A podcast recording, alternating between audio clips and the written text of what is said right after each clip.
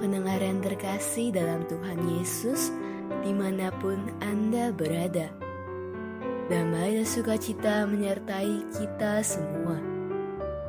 Renungan sau bagi jiwa yang disajikan Gereja Yesus Sejati berjudul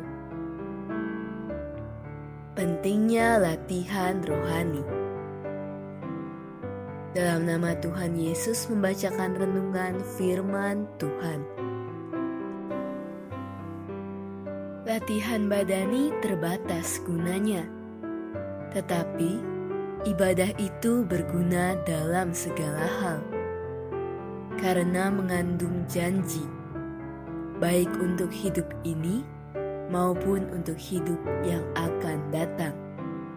1 Timotius 4 ayat 8 Ini merupakan pesan penting yang disampaikan oleh Rasul Paulus kepada anak rohaninya, Timotius, dengan maksud agar Timotius bisa memahami bahwa perkara-perkara rohani lebih bernilai daripada perkara-perkara duniawi. Sebab Timotius akan menghadapi para pengajar sesat yang di antaranya menggunakan tipu daya dengan berbagai larangan dan peraturan. Latihan badani memang berguna untuk memelihara tubuh kita. Salah satu contohnya adalah olahraga. Orang rajin berolahraga karena ingin memelihara kesehatan, ingin terhindar dari penyakit, dan bisa hidup lebih lama. Selain itu, Contoh latihan badani lainnya adalah bekerja demi untuk meningkatkan taraf hidup, sehingga kita dapat hidup dengan nyaman. Namun, kita tahu bahwa umur manusia itu terbatas. Tidak mungkin kita bisa hidup selamanya di dunia ini, bukan? Jadi, semua usaha yang kita lakukan untuk memelihara tubuh dan menikmati kehidupan ini terbatas gunanya. Latihan rohani merupakan segala sesuatu yang kita lakukan untuk mempererat hubungan kita dengan Tuhan.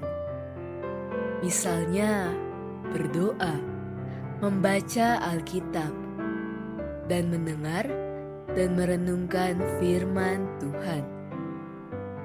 Rohani yang terlatih akan membuat kita semakin mengerti kehendaknya dan berani menghadapi masa-masa yang sukar. Karena kita tahu bahwa Tuhan ada di sisi kita dan kita juga tahu bahwa rancangannya atas kita selalu baik. Jadi kita dapat mempercayakan diri kita sepenuhnya kepada Tuhan. Itulah hal yang berkenan kepadanya.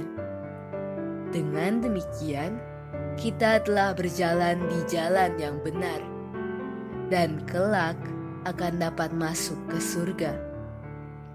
Yang perlu kita lakukan hanyalah setia sampai akhir. Sama seperti olahragawan yang akan semakin hebat menguasai bidangnya dengan banyaknya latihan, dengan banyaknya latihan rohani, kita pun akan lebih dapat menguasai diri, dan kerohanian kita pun akan menjadi semakin kuat. Karakter-karakter kita akan semakin disempurnakan. Sesungguhnya, latihan rohani bukan hanya berguna untuk membangun diri sendiri, melainkan membangun orang lain juga. Misalnya, kita dapat menjadi lebih sabar ketika menghadapi orang yang bertele-tele Ada orang yang bertanya tidak cukup sekali, menanyakan pertanyaan yang sama berulang-ulang. Orang yang tidak terlatih akan menjadi tidak sabar dan mudah marah. Sebaliknya, orang yang melatih rohaninya akan memiliki penguasaan diri, sehingga lebih sabar. Contoh lain yaitu ketika ada orang yang melukai kita, baik dengan perkataan atau perbuatan, kita akan berusaha untuk tidak marah, apalagi menyimpan kebencian atau dendam terhadap orang tersebut. Sebab firman Tuhan telah mengajarkan kita untuk mengampuni orang yang telah berbuat salah kepada kita. Bukan hanya mengampuni, kita bahkan harus belajar untuk mengasihinya. Hal-hal seperti ini tidak mungkin dapat dilakukan oleh orang-orang yang tidak senantiasa melakukan latihan rohani. Dan sama halnya dengan latihan badani, latihan rohani pun memerlukan ketekunan dan penyangkalan diri. Walaupun ini tidak mudah, namun jika kita bisa melakukannya dengan setia, kita akan menuai hasilnya kelak.